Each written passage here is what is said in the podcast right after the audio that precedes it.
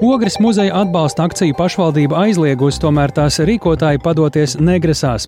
Radījumā pēcpusdiena pēc brīža plašāks stāsts par notiekošo ogrē un arī ko par to saka paši ogrēnieši. Šķēpes var laust vienmēr par visu kaut kādiem sīkumiem un plēsties, bet kāda tur jēga no tā es nezinu politisks kašķis vai tomēr pamatotas aizdomas par negodīgu iepirkumu aizsardzības nozarē. Ministre sākusi revīziju, tikmēr dēlna aicina šādus konkursus padarīt atklātākus. Un sakojam līdzi Rīgas līcī ugunsgrākā cietušā krāvas kuģa glābšanas operācijai Velkoņi sākuši tā nogādāšanu Rīgas ostā. Arī to skaidrosim plašāk pavisam drīz ziņu raidījumā pēcpusdiena kopā ar mani Tāli Eipuru. Pūkstens ir 16,5 minūtes, skan pēcpusdienas ziņu programma, skaidrojot šodienas svarīgos notikumus. Studijā Tālis Eipurs. Varšavā pirms brīža Polijas prezidenta rezidencē ir sākusies Latvijas un vēl astoņu mūsu reģionu valstu līderu tikšanās ar ASV prezidentu Džo Baidenu. Tā ir veltīta Eiropas drošībai un tostarp NATO austrumu flanga stiprināšanai, kā arī turpmākai palīdzībai Ukrainai. Sanāksmē piedalās arī NATO ģenerālsekretārs Jens Stoltenbergs. Notikumiem Varšavā klātienē sako arī mūsu korespondents Ārķoms Konohaus. Ar viņu esam sazinājušies tiešraidē. Labdien, Ārķom, saki, deviņu valstu līderu un ASV prezidenta tikšanās ir sākusies, tagad skatāmies, no aptuveni pirms 20 minūtēm, vai jau ir kaut kas vairāk saprotams zināms par tās norisi un saturu? Jā, labdien, tāli, labdien, klausītāji! Tik tiešām burtiski pirms pāris minūtēm ir noslēgušās atklāšanas uzrunas, ko ir sacījuši var prezidenti, tos starp Polijas prezidents un arī, um, un arī, protams, ASV prezidents Joe Bidenis, un uh, tagad ir sākusies sanāksmes aizklātā daļa, un uh, no tā, ko, kas ir publiski pateikts, uh, varu ziņot, ka Bidenis ir uzsvēris, ka viņš ir vēlējies satikt šo valstu pārstāvjus, jo tieši mūsu reģiona deviņas valstis atrodas tiešā Ukrainas konflikta tuvumā, un līdz ar to vislabāk saprot, kas tiek likts uz kārtas. Un tieši mūsu reģiona līderi kopā ar ASV snieguši ļoti nozīmīgu atbalstu Ukrainai, un arī kolektīva līderība ir padarījusi NATO spēcīgāku. Faktiski tāda līdzīga vēstījuma tam, ko Baidens jau ir eh, teicis arī uzrunas laikā, un viņš ir atkārtojis, ka mēs aizsargāsim katru, katru centimetru ASV un arī pārējās valstis, kas ietilpst šajā aliansē. Viņš ir arī uzsvērs, ka uz kārts ir likta nevis tikai Ukraina, bet brīvība kā tāda. Jo lietas ir radikāli mainījušās kopš Krievijas iebrukuma Ukrainā, un šobrīd eh, rietumvalstīm ir jādara viss, lai mainītu situāciju un atjaunotu, faktiski varētu teikt, iepriekšējo kārtību. Ir izteikusies arī Slovākijas prezidenta Zuzana Čaputova. Viņa runājusi par to, ka būtu jāpievērš sanāksmes laikā uzmanība pelēkām zonām mūsu aizsardzībā, un ir jārunā arī par gatavošanos NATO samitam, kas notiks eh, Viļņā jūlijā. Tāpat eh, Varšavā ir ieradusies arī Ungārijas prezidente Katalīna Novāka. Viņa pārstāv to konservatīvo politisko spēku kā premjerministrs Viktors Orbāns un, kā zināms, Ungārijas mēģinājumi distancēties no kara ar Ukrainu un tāda atšķirīga pozīcija ir izsaukusi, varētu teikt, tādu pamatīgu kritiku no daudzām citām Eiropas valstīm, tostarp arī no kādreizējiem Ungārijas sabiedrotajiem Polijā. Tādēļ pirmajā dienas pusē tiekoties ar Polijas premjeru Mateušu Moravecki, Novāka mēģināja publiski nogludināt domstarpības un nosauca sevi par Polijas draugu. Paklausīsimies klausīsimies viņu abu sacīto.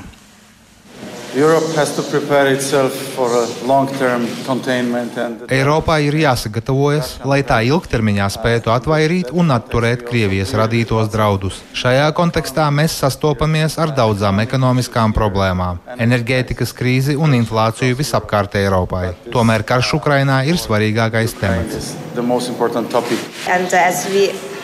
Uh, Tā kā ir gandrīz apritējis gads kopš kara sākuma, kopš Krievija iebruka Ukrainā, es domāju, ka šis ir piemērots brīdis, lai atskatītos uz to, kas līdz šim ir noticis, un apspriestu, kāds varētu būt ceļš, lai sasniegtu mieru. Galu galā tas ir mūsu kopējais mērķis un cerība. Vēl jāpiebilst, ka Varšavā ir arī Moldovas prezidente Māja Sandu. Vakar Baidens viņai veltīja īpašus sveicienus uzrunas laikā. Kā zināms, nesen Sandu paziņoja, ka Krievija viņas valstī gatavo apvērsumu. Tāli. Šī tad varētu izvērsties eh, par tādu konsultēšanos dažādos virzienos eh, un lēmumi kaut kad vēlāk, vai arī varētu būt gaidāmi kādi konkrēti paziņojumi par NATO austrumu flanga turpmāko stiprināšanu pēc Džo eh, Baidena, Stoltenberga un šo reģionu valstu tikšanās. Sanāksmes dalībniekiem būs rakstisks paziņojums, un kaut arī saruna visticamāk būs arī par praktiskiem NATO austrumu flanga aizsardzības aspektiem, es domāju, ka publiski visticamāk par to netiks detalizēti izziņots, kā saka, darbs pie tā notiek, un pie Baltijas valstu aizsardzības plāniem ir sevišķi notiek NATO ietvaros un tehniskajā līmenī, un te progress varētu gaidāms jau pieminētajā NATO samitā, kas norisināsies Viļņā, un tā būs arī nākamā reize, kad Baidens kopā ar vispārējiem NATO valstu vadītājiem būs jau pavisam tuvu Latvijai, tad jau Lietuvā. Tādēļ šīs tikšanās galvenais mērķis ir sūtīt politisko vēsti, ka ASV turpina rūpēties par mūsu reģionu drošību un Ukrainas kara pirmās gada dienas priekšvakarā tas pats par sevi nav mazsvarīgi. Paldies Arķimam Konokovam tiešraidē no Varšavas, kur notiek ASV prezidenta Džo Baidena tikšanās ar mūsu reģionu valstu līderiem. Aktīvas vizītes un sarunas turpinās arī citos līmeņos. Francija ir apņēmusies sniegt visu nepieciešamo palīdzību, lai Ukraina uzvarētu karā pret Krieviju, kā arī militāri stiprināt NATO austrumu flangu. To sarunā ar Latvijas radio šodien sacīja Francijas parlamenta Nacionālās asamblējas Nacionālās aizsardzības komisijas priekšsērētājs Tomā Gasilu. Augstā amatpersona kopā ar vēl vairākiem kolēģiem šodien viesojās Rīgā saimā, tikās ar Latvijas parlamentāriešiem, lai uzklausītu viņu viedokli par Krievijas iebrukumu Ukrainā, kā arī par Latvijas ieguldījumu savā aizsardzībā. Plašāk Ulda Ķezberi ierakstā. Tomā Gasilū šonadēļ apmeklē visas trīs Baltijas valstis, un izvēlētais brauciena laiks nav nejaušs, jo pēc dažām dienām apritējis gads kopš Krievijas pilna apmēra iebrukuma Ukrainā. Gasilū sarunā ar Latvijas radio sacīja, ka šai vizītei ir vairāki mērķi. Le premier, c'est de réaffirmer la solidarité stratégique de la France. Euh, Pirmkārt, mēs vēlamies apliecināt Francijas strateģisko solidaritāti Latvijai un pārējām Baltijas valstīm. Otrakārt, mēs vēlamies izvērtēt starptautisko atbalstu Latvijā un Baltijas valstīs, tāpēc mēs apmeklēsim franču karavīrus, kuri ir dislocēti Igaunijā un Lietuvā. Trešais mērķis ir apmainīties ar viedokļiem par situāciju gan šeit uz vietas, gan Ukrainā. Mums tas ir īpaši interesanti, jo tieši Baltijas valstis bija trauksmes cēlēji iestājies pirms Krievijas iebrukuma pērn 24. februārī. Gan Baltijas valstu geogrāfiskā novietojuma, gan vēsturiskās pieredzes dēļ ir tiešām interesanti uzklausīt jūsu pieredzi, lai spētu veidot kopīgu redzējumu par lietām. Gasilu atklāja, ka viņš sarunās ar Latvijas amatpersonām vēlējās uzzināt par mūsu bruņoto spēku gatavību reaģēt iespējamā uzbrukuma gadījumā, kā arī par Latvijas centieniem palielināt aizsardzības budžetu. Francijas parlamentārieši arī vēlējās uzzināt, uzzināt Latvijas kolēģu viedokli par Krievijas iebrukumu Ukrainā. Euh, Francijā mēs bieži uzdodam jautājumu, vai tas ir tikai Putina karš, vai tas ir visu Krievijas iedzīvotāju karš. Un mūsu kolēģis Saima apgalvoja, ka Krievijas iedzīvotāji labprāt atbalsta šo karu. Pirms gada, kad Krievija uzsāka pilnā apmēra karu Ukrainā, Francija bija Eiropas Savienības prezidējošā dalībvalsts. Tomā Gasilu uzsvēra, ka Francija ieguldīja daudz pūļu, lai Eiropas Savienības dalībvalstis iespējami ātri vienotos par spēcīgām sankcijām pret Krieviju, kā arī sniegtu palīdzību Ukrainai. Euh, Mēs Eiropas ietvaros mobilizējām dažādus mehānismus, konkrēti Eiropas miera mehānismu, kas ļauj finansēt ieroču iegādes. Tādēļ var teikt, ka Eiropas Savienība tiešām ir mobilizējusi rīkosies un sniedz Ukrainai atbalstu, kura apmērs ir līdzīgs ASV sniegtajam atbalstam. Gasilu arī atgādināja, ka reaģējot uz Krievijas agresiju Ukrainā, Francija pastiprināja militāro klātbūtni Eiropas austrumu flangā. Igaunijā pastāvīgi uzturas franču karavīri, bet Lietuvā bāzējas Francijas iznīcinātāji, kas patrulē Baltijas valstu gaisa telpā. Francija ir viena no vadošajām bruņojuma piegādātājām Ukrainai. Tādēļ aktuāls ir jautājums, vai Francijas militārā rūpniecība valdība spēs tik galā ar Ukrainas milzīgo pieprasījumu pēc bruņojuma. Gasi Lūkungs atbildēja apstiprinoši. Nākamajos sešos gados Francijas militāro budžetu ir plānots palielināt no pašreizējiem 300 miljardiem eiro gadā līdz 413 miljardiem eiro gadā. Tas ir ārkārtīgi nozīmīgas investīcijas, kas ļaus arī militārajai rūpniecībai palielināt ražošanas spējas. Kīva pašlaik aktīvi aicina rietumvalstis piegādāt Ukrainai iznīcinātājus. Pirms dažām nedēļām Tomā Gasilū medijiem sacīja, ka Francija ir atvērta sarunām par iznīcinātāju piegādi Ukrainai. Vaicāju viņam, no kā būs atkarīgs tas, vai Francija patiešām spērs šo nozīmīgo soli. Euh, Mūsu amatpersonas bez nekādiem tabū izskata šo Ukrainas lūgumu, taču ir arī skaidri jāpasaka, šo lidmašīnu nodošana Ukrainai nozīmē, ka Ukraiņu pilotiem būs nepieciešama ilgstoša apmācība. Runa varētu būt par sešiem, septiņiem mēnešiem. Vienlaikus Francija turpina intensificēt cita veida ieroču piegādes Ukrainai, un Parīze gatavojas tam, ka militāra palīdzība Ukraiņiem var būt nepieciešama vēl ilgu laiku. Uldis Česberis, Latvijas radio. Tā sarunā īpaši Latvijas radio un raidījuma pēcpusdienu Francijas parlamenta Nacionālās asamblejas Nacionālās aizsardzības komisijas priekšsēdētājs Tomā Gasilu.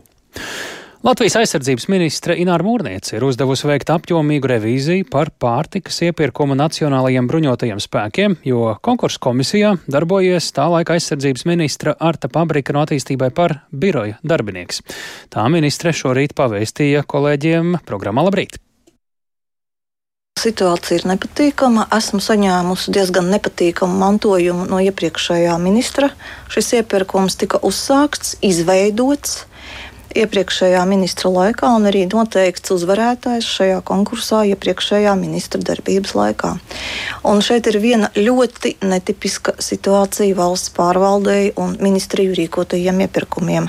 Ministra politiskā biroja darbinieka deleģēšana iepirkuma komisijā, kas Nu, ja šis iepirkums ir politiski veidots vai nav, par to vēl var, nu, es tā ironiski to saku, domas vēl var dalīties, bet, nu, ja mēs redzam politiskā biroja darbinieks ir iepirkuma komisijā, tas teikšu, ir ārkārtīgi pamatotas šaubas par to, kas šajā iepirkumā ir noticis. Līdz ar to es esmu rosinājusi uzsākt ļoti pamatīgu revīziju saistībā ar šo iepirkumu un izvērtēt gan summu, gan iepirkuma komisijas veidošanas principus, gan iepirkuma komisijas locekļu spēju tikt galā ar šādiem iepirkumiem, un arī vēl citus faktorus, lai saprastu, ko tālāk darīt. Tikai šo iepirkumu vai kopumā? Pagaidām. Deputātu vidū ir izskanējis, ka būtu vērts paraudzīties arī, kā šī sistēma tiek. Kopumā. Jā, protams, arī tad... to. Eh, bet šobrīd uz galda ir viens iepirkums, ar kuru mums ir jātiek galā pirms sistēmas pārskatīšanas. Sistēma ir jāpārskata. Bet pirmie ļoti nepatīkamie signāli atnāca tieši par šo iepirkumu. Ar to mēs tiksim galā. Tā aizsardzības ministra Ināra Mūrniece šorīt uh, redzījumā labrīt, bet cik pamatotas ir ministrs aizdomas un vai tām nav politiski motīvi? Bijušais aizsardzības ministrs Ārtis Pabriks no attīstībai pārtos sauc par mēģinājumiem nomelnot viņa politisko reputāciju. Savukārt organizācija Sabiedrība par atklātību dēlna norāda, ka ministrijai ir jādomā, kā šos iepirkumus padarīt pārskatāmākus. Par to plašāk Lindas Spundiņas ierakstā.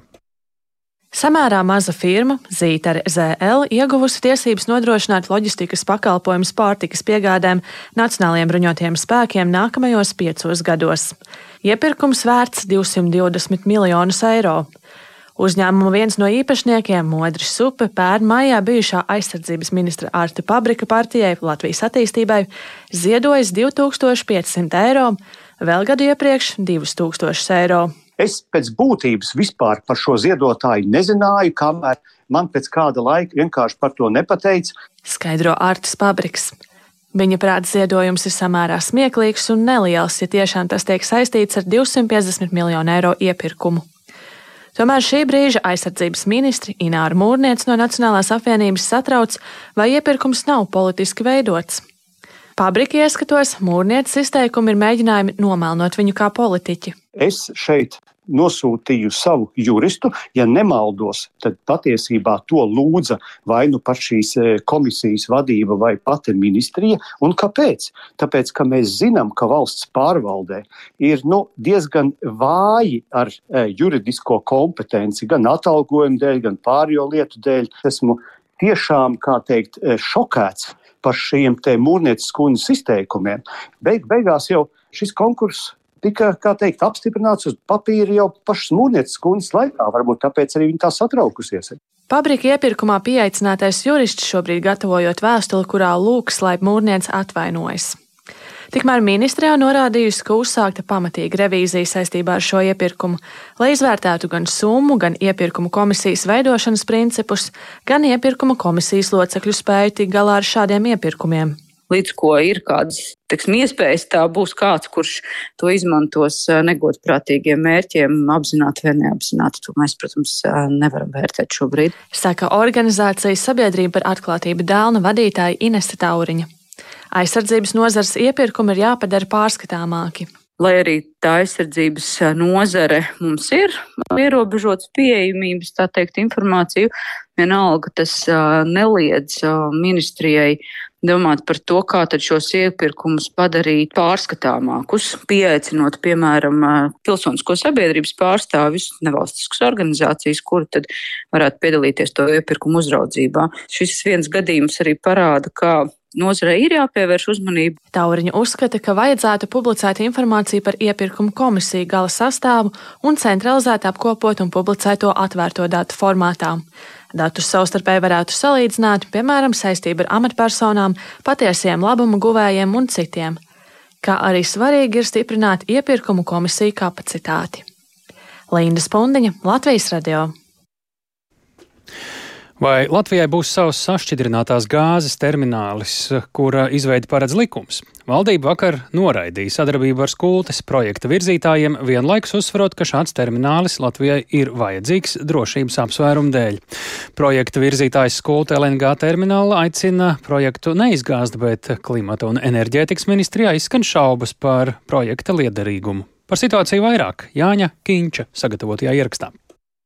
Valdība otrdien noraidīs kultas sašķidrinātās gāzes termināļa attīstītājas kulta LNG terminālu un iespējamā strateģiskā investora piedāvātos sadarbības nosacījumus termināļa izveidē. Klimata un enerģētikas ministrija secinājusi, ka tie nav atbalstāmi galvenokārt prasīto garantiju apjoma dēļ.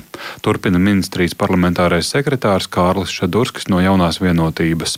Šeit jau ir ļoti daudz uh, nezināmā, jo proti, ja attīstītājs prasa tādā vai citā veidā garantēt eh, negūto peļņu, ja tie apjomi nav tādi, nu, pie kādiem šis termināls atmaksājas. Nu, tad būtībā tas ir oiks. Skultas termināla projekts esot nokavēts jau vairākus gadus. Pašlaik reģionā varētu pietikt ar sašķidrinātās gāzes terminālu Somijā un Lietuvā darbību, vērtē Šadurskis. Tagad ir jautājums vispār par šī projekta, nu, vienkārši runājot, jēgu un nepieciešamību. Nu, izskatās, ka Baltijas eh, patēriņu var nodrošināt arī tie termināļi, kur jau darbojas. Valdība gan neatsakās no termināla idejas, jo tas ir arī valsts drošības jautājums. Atbildīgajai ministrijai vēl jāvērtē, vai termināla skultē varētu īstenot pati valsts, iesaistot kapitāla sabiedrības. Skulta LNG termināla ģenerāldirektors Renārs Miķelsons gan ir pārliecināts, ja šo projektu pārņemtu valsts, tā īstenošanai vajadzētu vēl vismaz piecus gadus. Taču līdz šim nav izmantotas iespējas ar gāzes pārvades ieejas maksas atlaidi un citiem rīkiem padarīt vilinošāku tieši skultes un inču kalnu infrastruktūras izmantošanu. Tas ļautu piesaistīt jaunus sadarbības partnerus, vērtē Miķelsons. Valdībai es jūtu, kad ir bailes, pieņemt tādu drosmīgu lēmumu, jo lietuvieši tāds ir pieņēmuši nevienu reizi vien, kad ir prioritizējis savu infrastruktūru pār citiem, ja, kad viņi uztraucās, ka tas varētu kaut kā ietekmēt konkurenci. Bet to var darīt, jo eh, ne Inču kalna pazemes gāzes krātuve, ne arī skultas termināls, viņi nav vienotās tarifu zonas sastāvdaļa. Miķelsons arī noraida iebildes par prasītajām garantijām. Valdība jau iepriekš saņēmusi auditoru atzinumu, ka valstī kādu laiku būtu jāsadz starpības starp skultas termināļa minimālajiem nepieciešamajiem ieņēmumiem un izmaksām. Un pēc tam terminālim iet labi, kad viņš ir sasniedzis tos vidējos nepieciešamo kas pārkaušanas apjomu, un viņš tiek pārsniegts tad mēs atmaksājam viņu atpakaļ samazinātā, teiksim, tarifa veidā. Un tas arī ir Pricewaterhouse ziņojumā rakstīts, ka ir valsts atbalsts nepieciešams, lai skulti realizētu pirmos 3-4 gadus. Skultas termināļa attīstītāji aicina neizgāzt šo projektu un cer uz klimatu un enerģētikas ministrijas pārstāvju, projekta attīstītāju un iespējamā investoru tiešu sarunu. Tāda līdz šim ir izpalikusi. Vienlaikus piekrastes vides aizsardzības biedrība jau aicinājusi atcelt likumu par skultas sašķidrinātās dabasgāzes terminālu. Likums tam noteica nacionālo interešu objektu statusu, kā arī paredz cauruļvadu gada un termināļa izbūve līdz nākamā gada 15. septembrim. Jānis Kincis, Latvijas Radio.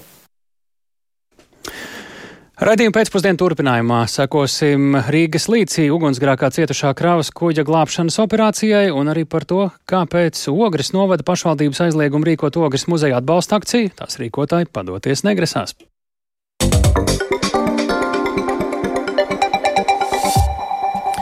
Rīgas jūras līcī naktī aizdedzies kuģis ar bīstamu kravu. Tas bija ceļā no Klaipēdas uz Rīgu. Ugunsgrēks no motortelpas izplatījās pa kuģa virsbūvi. Sākotnējā informācija liecina, ka to neizdevās nodzēst ar uz kuģa esošās autonomās ugunsdzēsības sistēmu, tāpēc uzreiz iesaistīti ir atbildīgie dienesti. Šobrīd divi velkoņi cietušo kravas kuģi velk uz Rīgu. Par to, vai ugunsgrēks ir pilnībā apdzēsts un par citām detaļām ar atbildīgajām amatpersonām sazinājās kolēģi Agnija Lāsdiņa. Agnija stāsti, kas ir tā aktuālākā informācija. Jā, atgādināšu sākumā, ka tas ir konteineru kuģis, kura kravas raksturs ir ļoti dažāds. Tur ir polimēri, poliesteris un krāsas šķīdinātāji, tāpēc īpaša bīstamība ir tieši ugunsbīstamība, jo sliktākajā gadījumā būtu spēcīgs ugunsgrēks, ļoti daudz bojātas kravas, iespējams kaitīgs piedūmojums rastos un arī pat sprādziens, jo krava ir ar šķīdinātāju un aerosolu veidā. Tiesa šobrīd nekas neliecina, ka pats sliktākais varētu notikt, bet par pašu ugunsgrēku. Tam izceļoties uzreiz darbojās autonomā ugunsdzēsības sistēma, taču apkalpē radās priekšstats, ka uguni nenodzēs vai nenodzēsīs. Tāpēc tā pieņēma lēmumu par labu evakuācijai. Šī brīža novērojumi liecina, ka sistēmai tomēr tas izdevās, jo krāva nav degusi un arī krasta apsardzes kuģis nav redzējis atklātas liesmas, bet tā ir tikai spekulācija un skaidri to nevar apgalvot. Joprojām pastāv aizdegšanās risks, jo ugunsgrēkiem mašīnu telpās ir sava specifika un kā tad patiesi bija vai nebija, zina zinās, kad speciālisti uzkāps uz klāja. Un tas notiks tuvāko dienu laikā, jo kuģi īpašnieks, kas ir kompānija Container Ships, ir nosūtījuši uz Latviju tehniskās glābšanas speciālistu komandu kuģa apsekošanai. Un tad pēc tās tiks izdarīti secinājumi, tostarp īpašnieki pieņems lēmumu par kuģa tālāko likteni. Bet par to, kas tad pašlaik notiek ar pašu kuģi, divi velkoņi velk kuģi tauvā uz Rīgas ostu. Tāpat kuģis pat labam pavada krasta apsardzes kuģis. Paklausīsimies, kā situācija situācijas attīstību skaidroja jūras spēku krasta apsardzes dienesta pārstāvis Pēteris Subota. Notikumi būtībā ir um, vērsti šajā labvēlīgākajā virzienā, kaut gan riski joprojām pastāv. Ugunsgrēks nav izcēlis atkārtoti, krāva ir drošībā, un mums ir izdevies apturēt kuģa nekontrolēto dreifu. Kuģa apkalpe arī jau ir nogādāta Rīgā drošībā, visi 15 cilvēki. Un šovakar vēl vakarā tad sagaidām, ka kuģis jau būs Rīgas. Pat labam gan nav zināms, vai kuģi nogādās ostas piestātnē vai noenkuros jūrā netālu no ieejas ostā. Bet Rīgā tas ieradīsies vēl vakarā ap pulkstens 10 vai 11 vakarā. Arī valsts vides dienests ir informējis, ka šobrīd nav nekāda pamata bažām par vides piesārņojumu, kas varētu rasties. Dienesta rīcībā ir precīza informācija par kravas sastāvu un apjomiem, un vides riski esot novērtēti un tiekot vadīti, līdz ar to bažu nav. Ņemot vērā, ka kuģis atrodas starp mērsragu un Roju, apmēram 9 km no krasta, tad es sazinājos arī ar Rojas un Mērsraga pašvaldību pārstāvjiem, kas atzina, ka par situāciju uzzinājuši tikai no publiski pieejamās informācijas. Subota gan skaidroja, ka pašvaldība apziņošana tiek apsvērta gadījumos, kad ir lielākas cilvēku evakuācija operācijas. Tāda ir tā šī brīža situācija par to, kad kuģis nonāks Rīgā, ziņosim vēlāk. Jā. Tas varētu būt eh, tikpat labi arī šovakar. Paldies! Eh, to mēs sakām Agnijai Lāsdiņai. Un dodamies uz Ogri. Ogres novada pašvaldība ir lēmusi nesaskaņot rītvakar pieteikto sapulci Ogres vēstures un mākslas muzeja atbalstam. Muzejā, muzeja ieskatā doma ar to pat labi izrēķinās, jo muzejnieki iebilda pret domas priekšsādātāju Egilu Helmaņu no Nacionālās apvienības iecerēto Krievijas oligarhu Piotra Avena porcelāna izstādi. Ogres novada vadība pārmetums noraida. Tikmēr Ogres pilsētas ielās satikto iedzīvotāju domas ir dažādas. Vieni saka, ka pašvaldībai nevajadzētu muzejam uzspiest savas idejas un paļauties uz speciālistu darbu, bet ir arī cilvēki, kuri labprāt būtu redzējuši porcelāna izstādi muzejā. Plašāks Indijas ambots ierakstā. Ogres vēstures un mākslas muzeja ieskatā pašvaldība īsteno sankcijas pret muzeju, jo tas attiecās īstenot Ogres mēra Egila Helmaņa no Nacionālās apvienības rosināto Pjotrāvena porcelāna kolekcijas izstādi februārī. Muzejs norāda, ka pēc šī soļa pārcelti iepriekš plānotie pasākumi no muzeja telpām uz citām vietām. Muzejam aizliegts pašam komunicēt ar sabiedrību, un līdz vakardienai nebija saskaņots šī gada muzeja izstāžu plāns, lai arī muzejs pašvaldībai to iesniedz jau augustā. Helmanis noliedz, ka īsteno kādu izrēķināšanos Ciemos. Muzeja šī gada budžetu apstiprināja 16. februāra domes sēdē, tāpēc arī nebija akceptēts muzeja izstāžu plāns. Turklāt apstiprinot budžetu, konstatētas nepilnības. Budžets tika pieņemts 16. februārī. Plāns netika pieņemts, tāpēc, ka eh, ja šajā plānā tika prasīta nauda par izstādēm, kas nav notikušas, vai par pasākumiem, kas nav notikuši, vai par darbībām, kas nav notikušas, un viņš nav koriģēts, tad šādu plānu es apstiprināt nevaru.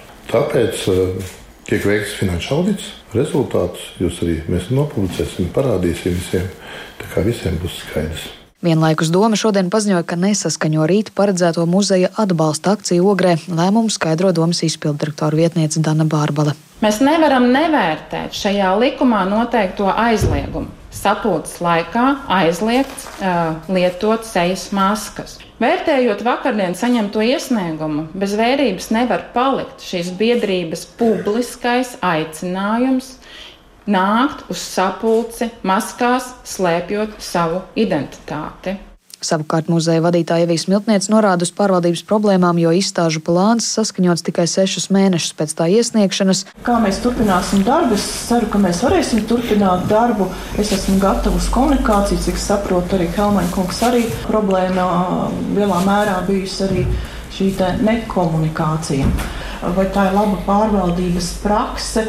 Tā tad gandrīz eh, sešus mēnešus pēc iesniegtā plāna tikai viņa apstiprināt, vai tiešām šajā laika periodā pašvaldībai nebija nekāda jautājuma, iebildumi, uz kuriem mēs būtu gatavi atbildēt, un mēs būtu uh, izrunājuši un sagatavojuši plānu, kas atbilstu gan nu, pašvaldības vēlmēm. Kāpēc tas notika tikai pēkšņi? Tātad 14. februārī mēs saņemam vēstuli, ka ir neskaidrības Tikmēr Ogres pilsētas ielās satikto iedzīvotāju domas dalās. Viena pārliecināta, ka pašvaldībai nevajadzētu muzejam uzspiest savas idejas un būtu jāpaļaujas uz speciālistu darbu, bet ir arī cilvēki, kas labprāt būtu redzējuši minēto porcelāna izstādi muzejā. Nu, man liekas, tur tāda varenības sajūta no pašvaldības vadītāja tā nevajadzētu būt.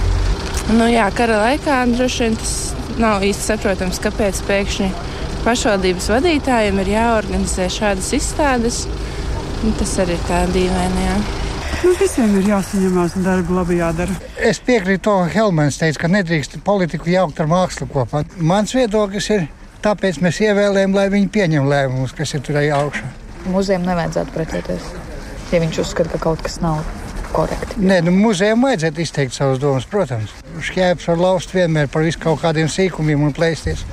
Bet kāda tur jēga no tā, es nezinu. Saistībā ar norisēm ap Ogres vēstures un mākslas muzeja kultūras ministrs Nauris Puntos no Nacionālās apvienības ir sasaucis piekdienu muzeju padomas ārkārtas sēdu, uz kuru aicināti Ogres pašvaldības un muzeja pārstāvi Sinti Ambot Latvijas radio. Tāda Dogas novada pašvaldība vietējai pilsoniskās sadarbības un attīstības biedrībai liegus rīkot sapulci Ogres muzeja atbalstam pamatojums rīkotāji ir aicinājuši ierasties cilvēkus maskās, ka, ko likums liedzot. Tāpat pašvaldība arī saka, ka iesniegumu biedrība varēja iesniegt desmit dienas iepriekš, jo šādu sapulci nesot notikums, par kuru nebija iespējams uzzināt agrāk kā desmit dienas pirms tam. Ogres novada pilsoniskās sadarbības un attīstības biedrības pārstāve Elīna Grīnhofa pie mūsu klausulas. Labdien! Labdien! Kā vērtējat eh, domas lēmumu un kā uz to arī rēģēsiet vai esat reaģējuši? Domas lēmumu mēs vēl neesam saņēmuši rakstveidā. Tas, ko mēs zinām, ir eh, tik, cik bija dzirdams preses konferencē. Un mēs uh, reaģēsim tad, kad mēs saņemsim. Es domāju, ka mēs pārsūdzēsim, bet tā kā laiks līdz rītdien iecerētiem pasākumam vairs nav palicis daudz, mēs esam jau iesnieguši domē jaunu pieteikumu šādam te atbalsta pasākumam, ņemot vērā domas iebildumus, mēs esam ak akcentējuši to, ka lūdzam pātrinātā kārtībā izskatīt, jo, jo nav bijis iespējams paredzēt šādu te notikumu attīstību, jo mēs rēģējam kā biedrība primāri uz, uz to rīkojumu, ko, ko muzejs saņēma piekdien. Par to, ka viņi turpmāk nedrīkst komunicēt ne ar sabiedrību, ne ar mēdījiem bez pašvaldības ziņas. Tas ir tas satraucošais un bīstamais un demokrātiju apdraudošais signāls. Par šiem argumentiem, kas publiski ir izskanējuši attiecībā uz maskām un desmit dienu termiņu. Šis desmit dienu termiņš, to mēs tikko dzirdējām. Notikums vienkārši ir krietni nesenāks kā desmit dienas, uz kuru jūs reaģējat, bet par maskām. Jā, par maskām. Pieteikumā, ko mēs bijām iesnieguši pašvaldībai, protams, nebija nekas minēts par maskām. Tātad viņi šo informāciju ir ņēmuši no, no publiskās telpas publiskajā telpā, jā, mēs relīzē šo bijām ierakstījuši, jo iedzīvotāji pie mums nāca mēs atbalstīsim, bet mums ir bail. Mēs tajā brīdī, kad mēs rakstījām, nebijām pārbaudījuši to likumu burtu, un tajā brīdī, kad mēs uzzinājām, mēs noteiksim publiskā pieteikuma Facebookā momentā izņēmām šo te aicinājumu ārā, bet nu, no tā, kas bija aizgājis jau tālāk um, ziņu dienas lapās, to mēs vairs ietekmēt nevarējām, bet mēs neaicinām nevienu nākt maskās. Par ko liecina tas, ka iedzīvotāji vēlas protestēt, bet viņiem ir bail savas pašvaldības priekšā? Nu, tas tikai pa, pasvītro to uh, izvēlētā nosaukuma atbilstību šai, šai situācijai, kas ir robežas uh, novadā. Demokrātija ir trausla kā porcelāns, cilvēkiem ir bailiem to, to, to grūti citādāk nosaukt. Bet es domāju, ka pēdējo dienu un arī šodienas um, notikuma attīstība, ka, tā, ka, ka iedzīvotāji kļūst gatavāki un drosmīgāki, un, un tas, ko mēs dzirdam, atbalsta vēstules, ko mēs saņemam, un ziņas, ka cilvēki saka, ka viņi vēlas apmeklēt, tas liecina par to, ka, ka ar demokrātiju varētu būt viss kārtībā. Ja vien ļautu. Jā. Ja jūs otro tagad šodien iesniegto pieteikumu rīt rīkot sapulci arī noraida, kā jūs rīkotos tad? Tad mēs, mē, mēs eh, darīsim to, ko likums ļauj. Ja? Mēs, mēs pilnīgi noteikti neaicināsim cilvēkus nākt. Um, tas, kā šobrīd izskatās sociālos tīklos, uh, Un, un, un ko mēs varam lasīt, ir, ka nav izslēgts, ja mēs nevaram uzņemties atbildību par to, ka cilvēki tāpat nāks. Tā bumba ir aizvēlusies, bet mēs atsauksim šo te savu iniciēto pasākumu tajā brīdī, kad mēs saņemsim atbildi noliedzoši. Vai ir sagaidāmi kādi radoši risinājumi, nezinu, pastaigi zilajos kalnos vai pa promenādi vai es minu? Uh, No biedrības puses eh, tādas eh, iniciatīvas, teiksim, netiks eh, dotas, bet jau šobrīd ir pilns internets ar radošām izpausmēm, tā kā cilvēki, es domāju, Piemēram. kaut kādas ir. Piemēram, atnāk nolikt sveces, tas ir tas, ko esmu lasījusi, vai, vai tāpat neviens jau neliedz pastaigāties un, un nolikt pie muzeja kādu apgoznotu šķīvi, ja. Tas ir tas, ko es esmu redzējis, bet es eh, šodien neesmu daudz laika pavadījis. Kādas sekas eh, var būt tad, ja šie pašvaldības lēmumi, pret kuriem jūs iebilstat un situāciju tā arī saglabājas, eh, iedzīvotāji ir izteikuši savu viedokli, bet juridiski nekas nemainās. Kā jūs redzat, ar ko draud tad tāda notikuma attīstības versija? Ja iedzīvotāji ir varējuši paust viedokli un nekas nav mainījies? Jā nu, tad iedzīvotājiem ir eh, visticamāk jāturpina paust viedoklis un kaut kādā veidā mums jau te visiem šajā novadā ir jādzīvo un pašvaldība savās runās uzsver to, to vārdu demokrātija min gana bieži, ja, bet tajā brīdī, kad ir uh, tiešām vērojams demokrātiskas izpausmes, kas būtu apsveicama un jo īpaši tādā jubilejas nedēļā kā šī, ogras 95 gadu jubileja, uh, tādām iz, demokrātiskām izpausmēm nedot vietu, ir, ir skumja ziņa. Um. Vai jūs sagaidāt kādu konkrētu rīcību no kādām iestādēm un amatpersonām, kas nav pašvaldība? Par to mums vēl ir jāskatās. Uh, šobrīd uh, mēs uh, konkrēti tālākus soļus ar vēršanos pie, pie amatpersonām neplānojam, bet tas pilnīgi noteikti nav izslēgts. Paldies jums par sarunu. Mēs sarunājāmies ar Elīnu Grīnhofu, Ogres novada pilsoniskās sadarbības un attīstības biedrības pārstāvi. Jāpiebilst, ka šodien uzzinājām, ka kultūras ministrs Nauris Puntulis par norisēm Ogres vēstures un mākslas muzejā ir sasaucis muzeja padomes ārkārtas sēdi. Šo piekdienu tas būs.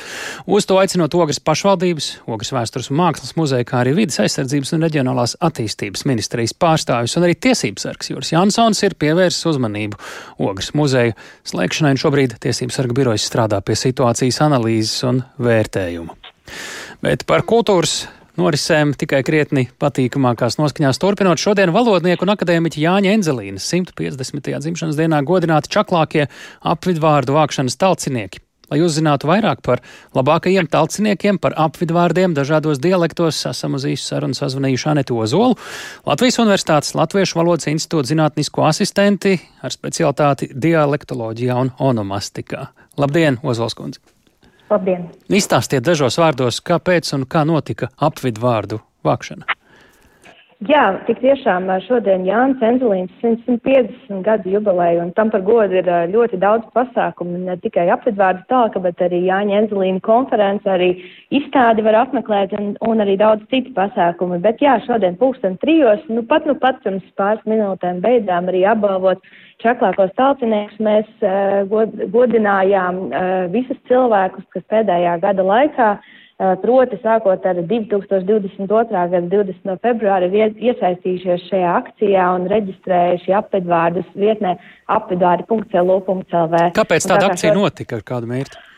Tā, tāda akcija notika, lai iesaistītu cilvēkus, lai ik viens cilvēks, kurš vai nu pats lieto apvidvārdus, tātad apvidvārds ir eh, vārds, kas lietots noteiktā apvidu, lai viņš ne tikai, uh, lai viņš varētu reģistrēt šos vārdus gan tādā gadījumā, ja pats lieto, gan arī vai ir dzirdējis, un mēs vēlējāmies ne tikai iesaistīt cilvēkus, bet arī uh, veicināt patiesībā zinātni nākotnē uh, un uzzināt, nu, kādi apvidvārdi vienam pašreiz tiek lietot, vai arī uzzināt par kaut kādiem apvidvārdiem, kurus, kuri nekur nekad nav reģistrēti. Un, un patiesībā mēs to darījām, lai arī godinātu Jāņa Enzelīna jubileju, jo Jānis Enzelīns arī bija veidojis, nu, varētu teikt, kaut ko līdzīgu apvidvārdu talkai, tikai, protams, ne tādā digitālā veidā, kā mēs to darījām. Ai, kā viņš to būtu vēlējies, kādi ir rezultāti? Vai tad ir izdevies atrast kaut ko tādu, ko jūs nu pat minējāt, ko zinātnieki un pētnieki līdz tam nebija manījuši, vai kas bija ļoti reti kaut kur minēts? Jā, ir tik tiešām ir reģistrēti vairāk nekā 15 tūkstoši vārdu. Tas ir tas uh, lielais apjoms, ko mēs esam saņēmuši, un tie noteikti vēl ir jāapstrādā valodniekiem, par to nav šaubu. Bet, piemēram, man uzreiz nāk, vārdā, uh, nāk prātā tāds vārds mūksts, kas ir cilvēks, kurš ilgi strādā pļavā vai tīrumā. Mūksts, un, uh, es pareizi dzirdēju? Jā, mūksts, tieši tā, mm -hmm. jā. Un, un šis vārds ir īsti nekur nav tā reģistrēts. Var, varbūt es nevaru apgalvot, ka viennozīmīgi nē, jo, kā jau teicu, ir ļoti daudz pētījumu vēl jāveic, bet nu nav tā, ka visi zina šo apvidvārdu. Tāpēc ir ļoti, ļoti daudz tādu vērtīgu iegūmu. Un ir arī vārdi, kuri ir agrāk lietoti, bet, piemēram, Jāņa Enzelīna vārnīcā un Kārļa Mīlenbach vārnīcā ir atzīmēti kā uh, izmiruši, ka tos vairs nelieto, bet redz, ka lieto 21. gadsimtā. Mums ir pusminūte vēl vienam piemēram labam. Vai labs piemērs man nenāk prātā. Es, protams, gribu, uh, es, protams, gribu pateikt, varbūt tādu piemēru, ko manā ģimenē lieto, nu, piemēram, ķinka, kas ir kartupeļu biezpats un ko, ko lieto limbažos. Uh, un tas man ir ļoti mīļš piemērs, un vienmēr to pieminu, un tas arī ir reģistrēts nemazums daudz reižu. Un arī, nu, protams, daudz citu katrā ziņā aicinām visus skatīties apvidvārdu.lu.lv, turpināt reģistrēt, skatīties, priecāties. Uh, un, un, un, jā. nu, es no Limbaģa puses zinu vārdu slorbenāju, piemēram, bet, ah. bet kas ir pavisam īsi vēl arī paskaidrot, kāpēc šis ir svarīgi, ko tas mums visiem kopā var dot šāda talka un vispār tāda apvidu vārdu apzināšana un darbs pie tiem.